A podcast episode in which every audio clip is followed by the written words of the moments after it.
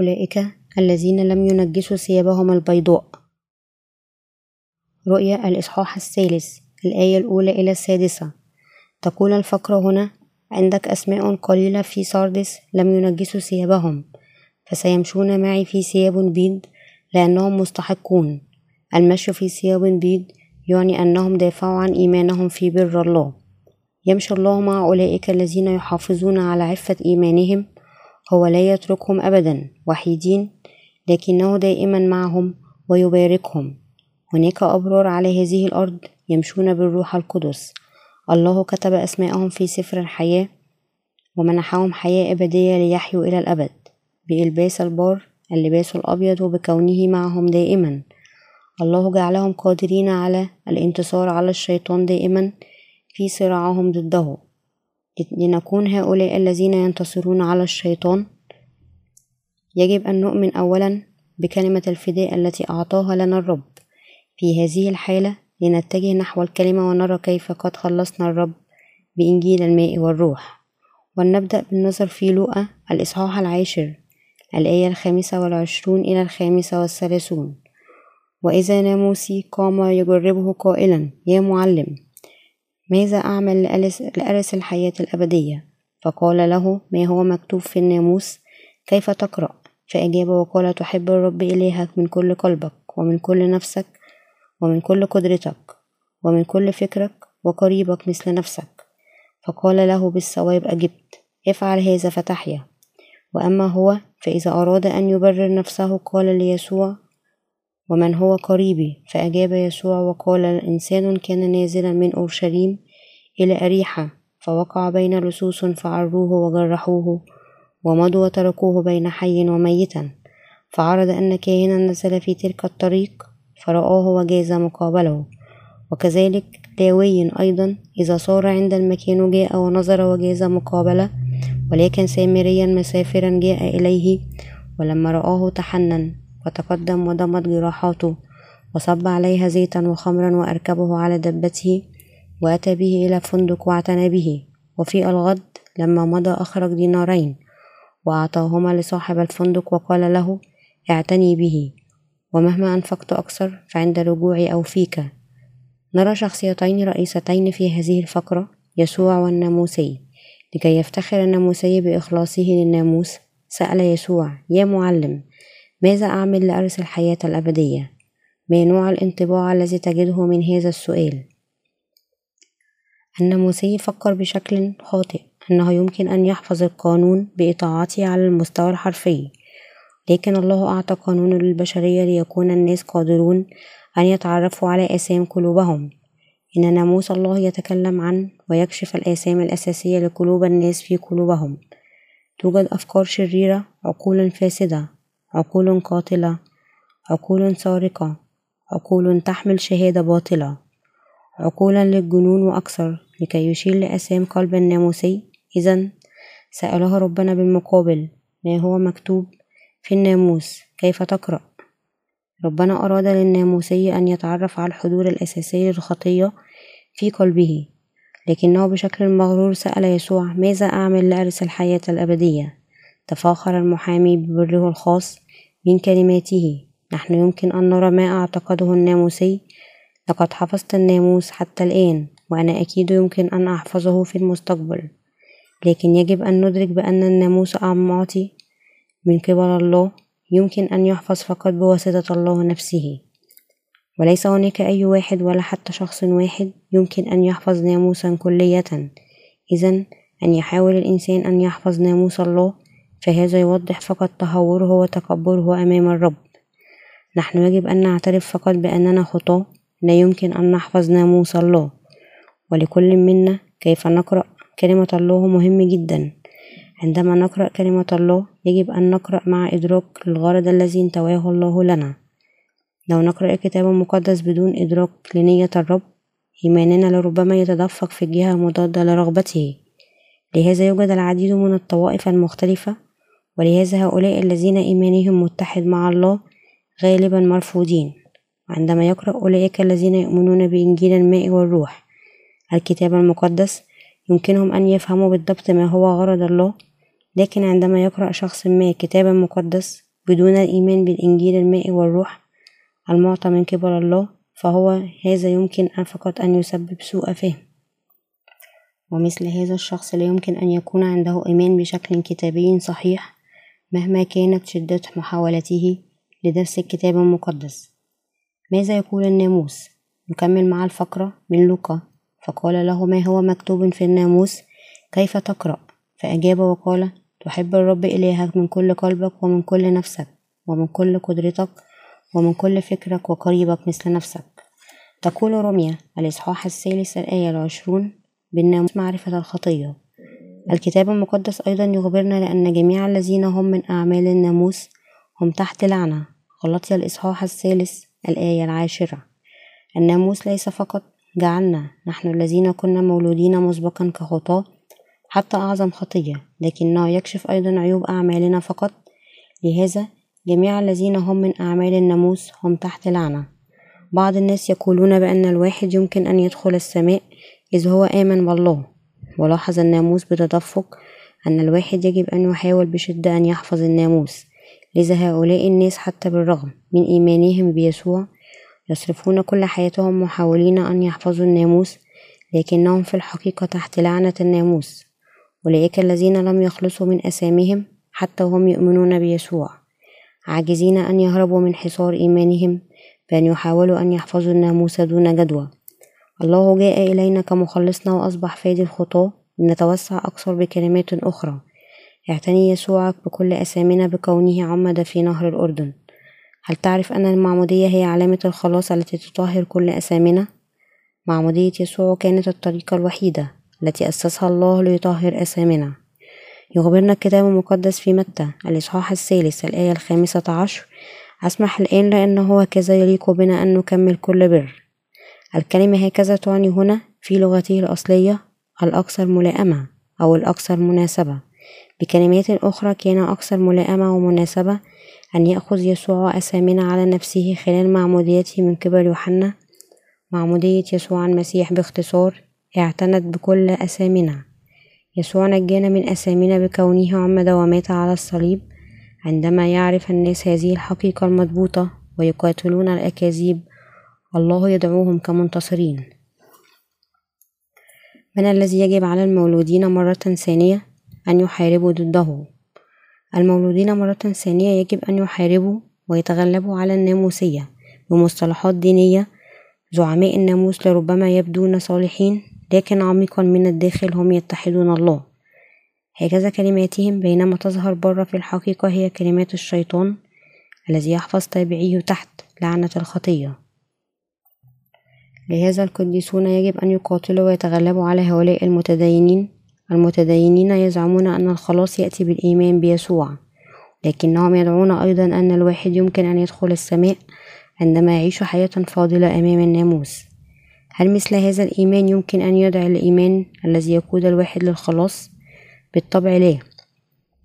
لذا استعمل الرب مثل مثلا لكي ينير الناموسي وينيرنا في هذه المسألة.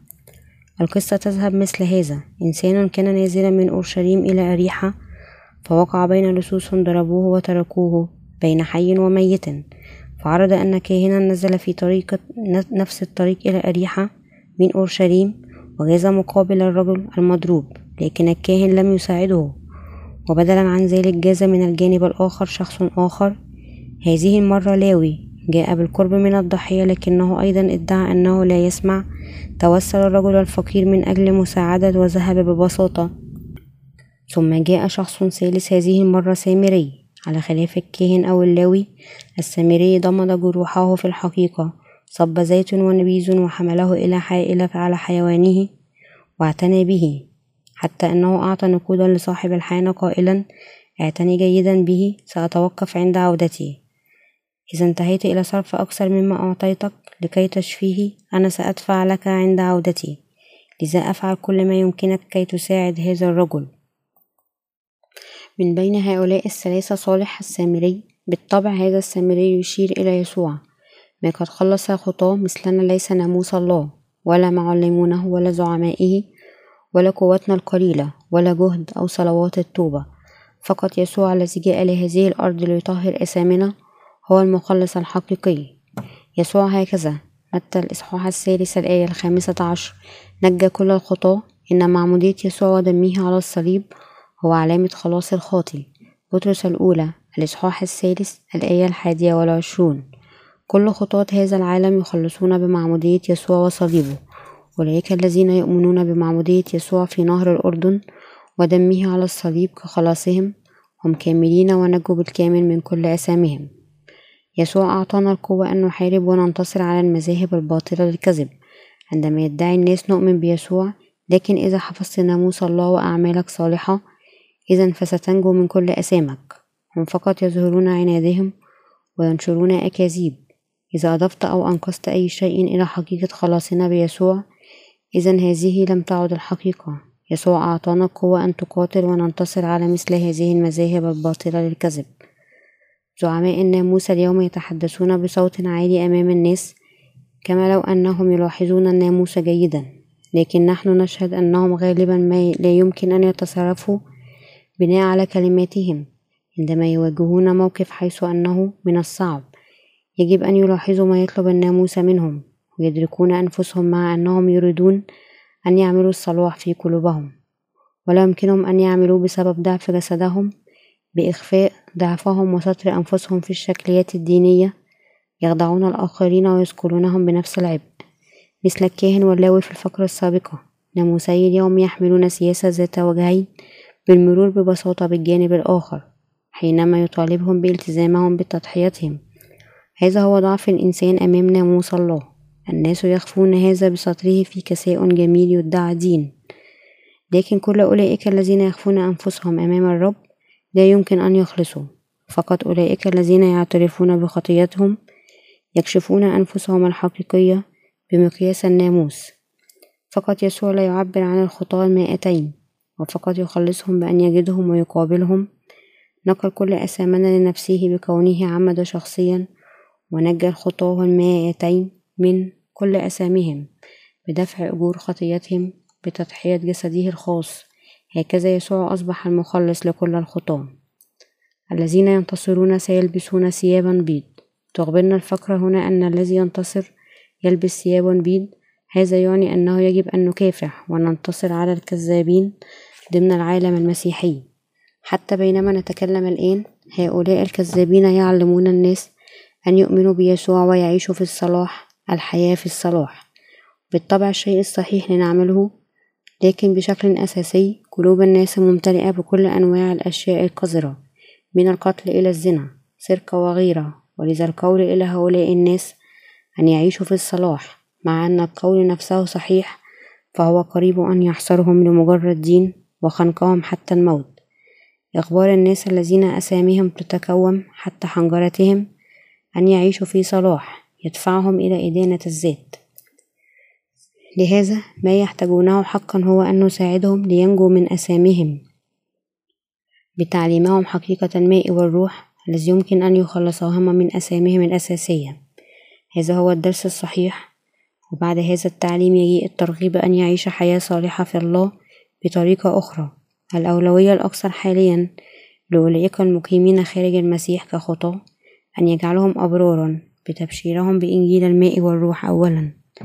تدهور المسيحية لديانة في العالم. نحن لا يجب أن نخضع بالأديان الدنيوية فقط عندما نصارع ونتغلب على الأديان الدنيوية التي تنشر أكاذيب يمكن أن ندخل السماء لأننا عاجزين عن حفظ ناموس الله. نحتاج لنعمة الخلاص التي قد أعطاها لنا يسوع وفقط بواسطة الإيمان بهذه النعمة يمكن أن نقابل الرب. ولكن العديد في المسيحية ولو أنهم يؤمنون بيسوع يسحبون إلى الجحيم مخدوعون ومضللون بهؤلاء الذين ينشرون أكاذيب. هم مخدوعون بالتصور المغري أن الناس يمكن أن ويجب أن يكونوا صالحين. لكن لأننا مولودين بالخطية بشكل أساسي لا يمكن لنا أن نكون صالحين مهما حاولنا. في هذه الحالة يمكن أن نخلص فقط بواسطة الإيمان. بإنجيل الحقيقة أن يسوع خلصنا بمائه وروحه. يمكن أن نعيش حياة جديدة فقط عندما نعترف بأننا أصبحنا بدون خطية بالإيمان بهذه الحقيقة. فريسيون كتاب مقدس وأغلب مسيحي اليوم الذين لم يتطهروا من آثامهم بعدم الإيمان بإنجيل الماء والروح. كلهم يشبهون بعضهم. كلهم هراطقة آمن الفريسيون بالله قيامة الأنفس وما بعد الحياة كما هو مسجل في الكتاب المقدس. لكنهم لم يؤمنون بيسوع كمسيحهم. على ذلك داسوا عليه وأهملوا معمودية المسيح ودمه على الصليب. اليوم هناك العديد من المسيحيين الذين هم بالضبط مثل هؤلاء الفريسيين. عندهم ميل أن يعتبروا المذاهب المسيحية أكثر من الكتاب المقدس؟ لهذا هناك العديد جدا من البدع تنبعث بلا نهاية في الوقت الحاضر في تيتوس الإصحاح الثالث الآية العاشرة إلى الحادية عشر. يخبرنا الله عن الهراطقة قائلا الرجل المبتدع بعد الإنذار مرة ومرتين أعرض عنه عالما أن مثل هذا قد انحرف وهو يخطئ محكوما عليه من نفسه أولئك المنتمين للهرطقات يؤمنون ويتبعون قادتهم الدينويين أكثر من الكتاب المقدس ونتيجة لذلك هم كلهم يتحطمون الآن كما في السابق هناك العديد من الأنبياء الباطلين يبرزون في هذا العالم خلال كلمة الفقرة الرئيسية الله هكذا أخبرنا أن كل شخص يجب أن يحارب وينتصر على هؤلاء الأنبياء الباطلين. قال أيضا فقط أولئك الذين ينتصرون سيلبسون في ملابس البر. يوجد في لوقا الإصحاح الثامن عشر مثل الفريسي والعشار. فريسي ذهب إلى الهيكل رفع أيديه وصلى في كبرياء. يا الله أنا أصوم مرتين كل أسبوع وأعشر كل ما أكسب. العشار على النقيض ما تمكن أن يرفع حتى وجهه عندما صلى. يا الله أنا لا يمكن أن أعمل ما يعمله هو. أنا خاطي بالعديد من العيوب. لا يمكن أن أصوم مرتين كل أسبوع ولا يمكن أن أعطيك العشر. ليس فقط ذلك أنا قد خدعت الناس أيضا. سرقت منهم وعملت العديد من الأشياء الشريرة الأخرى. أنا رجل عديم القيمة. ارحمني يا الله برجاء ارحمني وخلصني. الكتاب المقدس يخبرنا أن العشار هو الذي قد برر من قبل الله بدلا من الفريسي. هذا موضحا في السؤال من يمكن أن تغفر له الخطية؟ إنه ليس سوى أولئك الذين يدركون عيوبهم الخاصة. أولئك الذين يعرفون أنهم خطاة الأنفس التي تعترف بأنها بلا شك مربوطة للجحيم. لو طبق ناموس أو حكم الله البار عليهم هي التي تستلم خلاص الفداء من يسوع. سجل متى الإصحاح الثالث الآية الخامسة عشر أن يسوع تكلم بالضبط قبل تعميده هكذا في هذه الآية تعني أن معمودية يسوع كانت الطريق الأكثر ملائمة ليخلص الخطاة أي يخلصهم بجعل آثامهم تختفي بمعمودية يسوع التي سلمت كل الآثام إليه هل تؤمن بحقيقة أن يسوع هكذا خلصك من آثامك؟ أخذ الرب كل آثامك على نفسه عندما كان هكذا معمدا ثم حمل كل آثام العالم إلى الصليب ودفع أجور كل هذه الآثام بدمه الخاص يجب أن تؤمن بهذا لكي تعيش روحك. عندما تؤمن بهذا روحك يكفر عنها وأنت تولد مرة ثانية كابن الله. حتى الآن هناك العديد في هذا العالم الذي ينكر حقيقة الماء والروح هذه إنجيل الخلاص. لهذا نحن يجب أن نحارب معارك روحية. أنا لا أقول بأننا يجب أن نعمل أعمال خاطئة أكثر. لكي نعترف على خطيتنا لكن يجب أن نلبس في نعمة الله بالتعرف على أنفسنا كشخص مربوط للخطية. بشكل أساسي أن يحكم عليه روحيا. أنت يجب أن تقبل الحقيقة بأن يسوع مخلصك. كل شخص يريد أن يخلص قبل أن يؤمن بيسوع الفداء الذي أخذ كل أثامنا على نفسه. هل هناك خطية في قلبك الآن؟ أولئك الذين يفكرون أنه يوجد هناك خطية في قلوبهم. يجب أن يعرفوا ناموس الله أولا. بناموس الله أجرة الخطية موت. إذا أنت عندك خطية إذا أنت يجب أن تموت. إذا مت بدون التكفير عن أثامك سيحكم عليك وترسل إلى الجحيم. لأن كل شخص في هذا العالم لا يمكن أن يخطئ. كل شخص لا يمكن أن يتفادى كونه مرسل إلى الجحيم أمام ناموس الله. لهذا الله رحمنا وخلصنا بإرسال ابنه الوحيد يسوع المسيح إلى هذه الأرض. متى الإصحاح الثالث؟ الآية الخامسة عشر. يأخذ كل أسامي العالم على نفسه بمعموديته في نهر الأردن ومحاكمتها على الصليب في مكاننا. كل هذا لكي يمكن أن يرسلنا إلى السماء. نحن لا يمكن أن نخلص بسبب أعمالنا الصالحة. الناس يمكن أن يأخذوا مستويات مختلفة من النفاق لكن كل شخص هو منافق على أي حال. ولا أحد يمكن أن يصل للصلاح الكامل. إذا الناس يمكن أن ينجوا من كل أثامهم كلية فقط عندما يغفر لهم كل أثامهم بالإيمان بخلاص تكفير المسيح. هذا صميم حقيقة الكتاب المقدس. واصفا كيف كان قبل مقابلة الرب. اعترف بولس لأني لست أفعل الصالح الذي أريده بل الشر الذي لست أريده فإياه أفعل. رمي الإصحاح السابع الآية التاسعة عشر. لماذا كان بول مثل هذا؟ لأن البشرية هي ببساطة عاجزة عن عمل أي صلاح. كل شخص يعرف أن عمل الصلاح هو الشيء الصحيح أن يعمل. لكن لا أحد قادر بشكل أساسي أن يعمل. هذا شيء مختلف كلية في الدرجة والبعد من رغبات الجسد الموجودة حتى لدي البور لهذا الناس يخلصون فقط بالإيمان بإنجيل الماء والروح. الطريق للوقوف أمام الله. قايين وهابيل. ولد لآدم وحواء الوالدين الأوائل للبشرية عندما أخطأ آدم وحواء قتل الله حيوان بدلا عنهما وكسوهم في جلده. هذا علم البشرية قانونين من الله.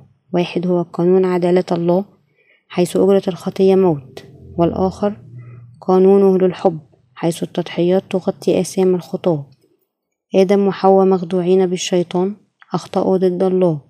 بغض النظر عن كيف انتهوا خاطئين كان لزاما عليهم أن يوضعوا للموت لأن أجرة الخطية هي موت أمام ناموس الله لكن الله قتل حيوان بدلا وكساهم بجلده. هذا كان رمز ظل التكفير القرباني الذي سيأتي. بعد ارتكاب خطيتهم آدم وحواء خيطا أوراق تين معا وجعل لأنفسهم أغطية. لكن أوراق التين هذه لا يمكن أن تدوم طويلا حيث تجف في الشمس تنكسر وتتفكك مع حركتهم وهكذا. عجز أن يغطي عيبهم لذا لمصلحة آدم وحواء اللذان حاول أن يغطيا خزيهم بأوراق التين دون جدوى الله قتل حيوان وصنع ستر من الجلد وكساهم. خلال تقدمة الأضحية بكلمات أخرى الله غطى كل خزي الخطاة. هذا يتحدث عن حب الله لنا ولخلاصه العادة. آدم وحواء أدرك ذلك. الله قتل الحيوان بدلا منهم وأنه هو نفسه غطى كل خزيهم وخلصهم. هم إذا نقلوا هذا الإيمان إلى أولادهم. آدم كان عنده ابنين قايين وهابيل. قايين الابن الأول. قدم إلى الله إنتاج جهده الخاص وقوته كتقدمة. بينما قدم هابيل حمل مذبوح طبقا لناموس الله للتكفير. أي من هذه قبلها الله. هاتان التقدمتان كانتا واحدة من الأحداث البارزة الرئيسية للعهد القديم التي أظهرت المقارنة بين تقدمة الإيمان وتقدمة الفكر الإنساني. الله قبل تقدمة هابيل الكتاب المقدس يخبرنا أن الله لم يقبل تقدمة قايين من ثمرة الأرض وعرقوا وعملوا لكن قبل تقدمة هابيل من, من بكر قطيع ودهنهم. وقدم هابيل أيضا من أبكار غنمه ومن سمانها فنظر الرب لهابيل وقربانه. يقول الكتاب المقدس الله استلم تقدمة هابيل وتضحيته ببهجة. من هذه الكلمة نحن يجب أن نكون قادرين أن نقرأ ما يريده قلب الله منا. كيف يجبرنا الله؟ كل يوم نجيء مقصرين جدا أمامه. كيف يمكن أن نقف أمام الله؟ هناك فقط طريق واحد به يمكن أن نذهب إلى الله. فقط طريق واحد أعده الله لنا. ليس هناك بديلا سوى من خلال تقدمة ليس تقدمة أعمالنا لكن تقدمة إيماننا هذا ما يقبله الله ماذا كان الإيمان الذي نقله آدم وحواء لأطفالهم؟ كان إيمان سطر الجلد بشكل مختلف. كان الإيمان الذي يؤمن في التكفير خلال تقدمة الأضحية.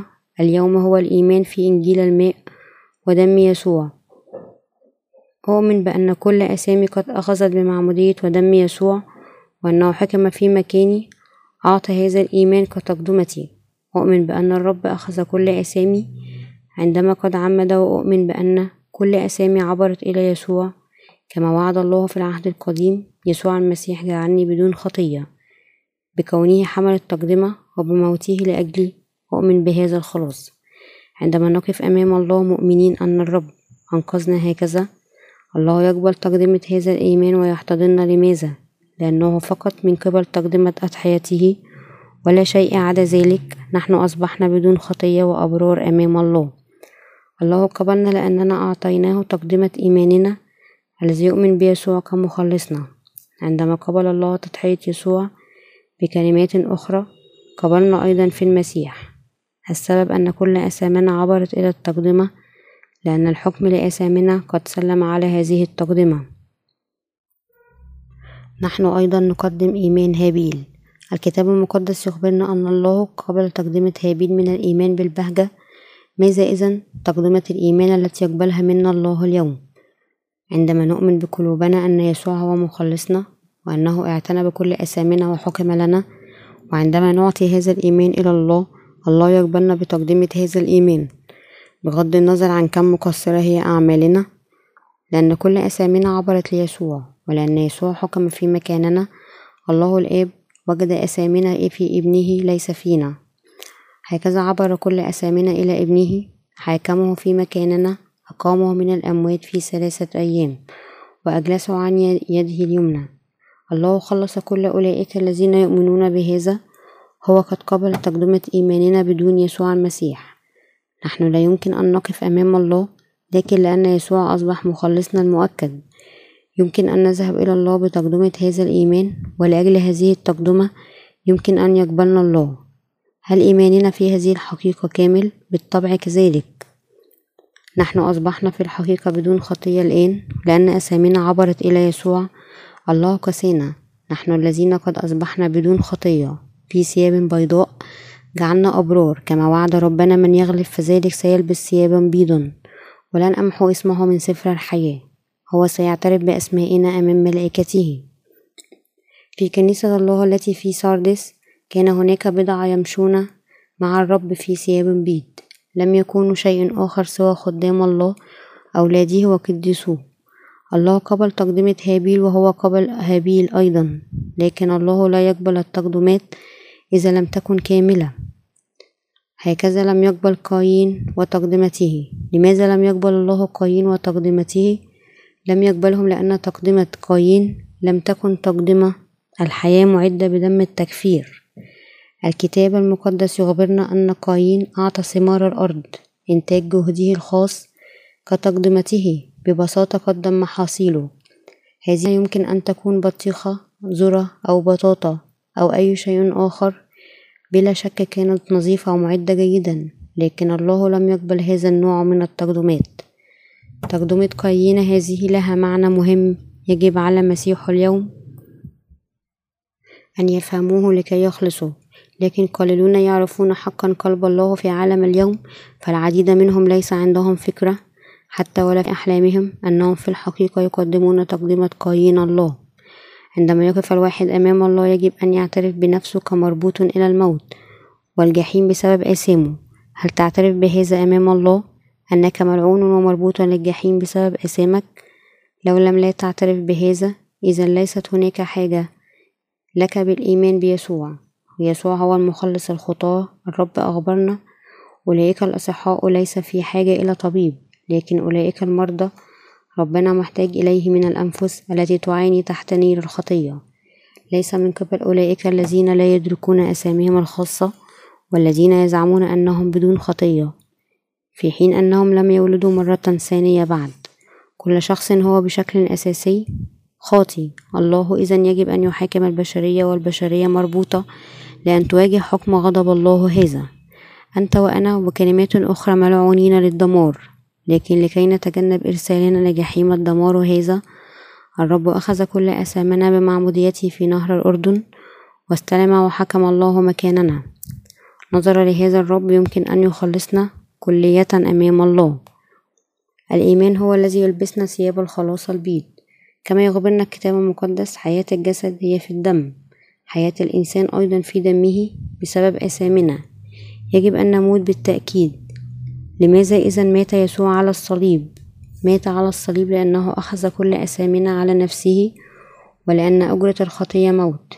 يسوع سفك دم حياته ليدفع أجرة الخطية ومات مكاننا لتشهد على هذه الحقيقة.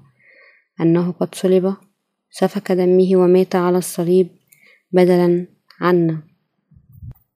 كما يخبرنا الكتاب المقدس ومجروح لأجل معاصينا مسحوق لأجل أثامنا يسوع بالحقيقة مات لأجل معاصينا وأثامنا موته إذا هو موتنا وقيامتنا هي قيامتنا.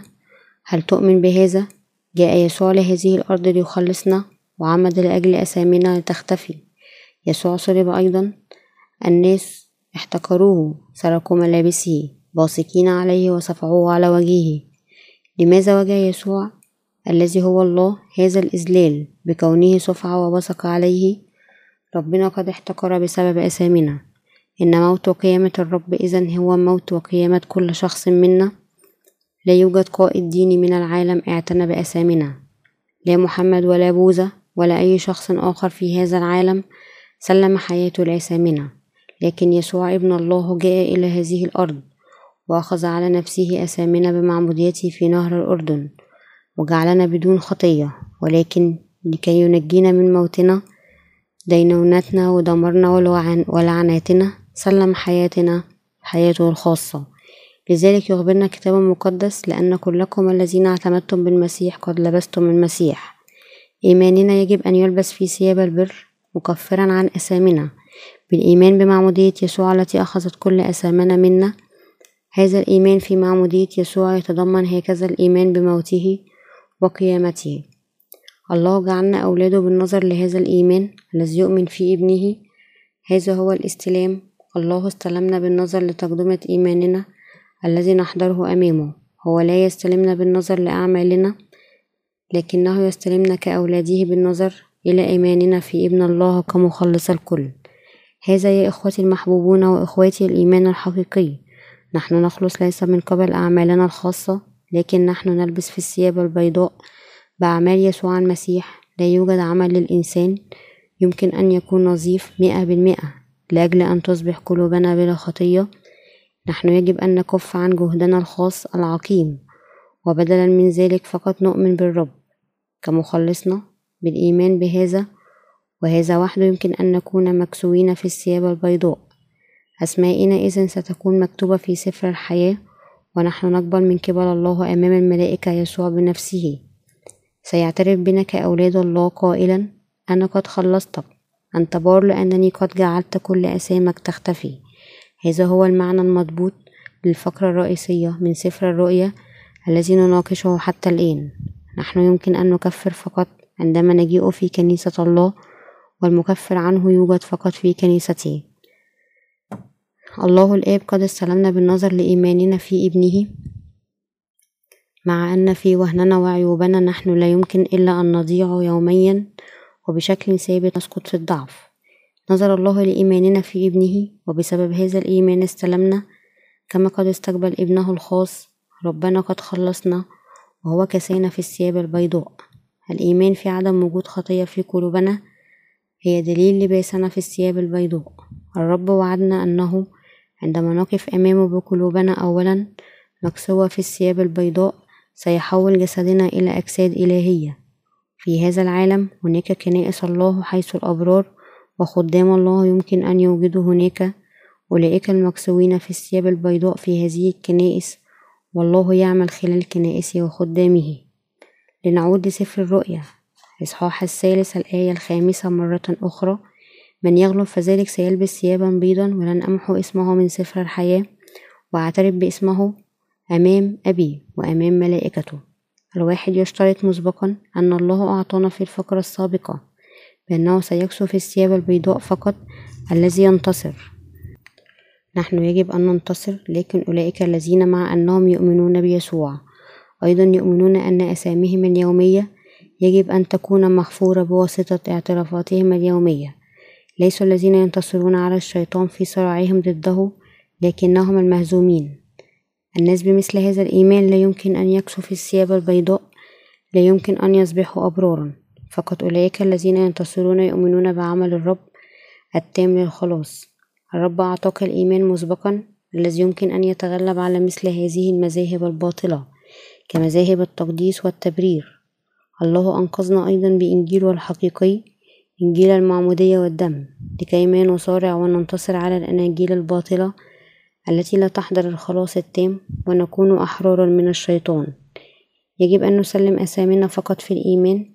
نعترف بشكل مؤكد في قلوبنا أن أسامينا عبرت إلى يسوع حقا ونحن يجب أن نؤمن بأننا متنا حينما مات يسوع وأن موته كان تفويضا في مكاننا. نحن يجب أن نؤمن أيضا أن يسوع قام من الموت ليجعلنا نعيش ثانيا عندما يكون عندنا هذا الإيمان المؤكد للحقيقة. الله ينظر إلى إيماننا يعترف بنا كأبرار بشكل مختلف. هذا هو معنى الكلمة.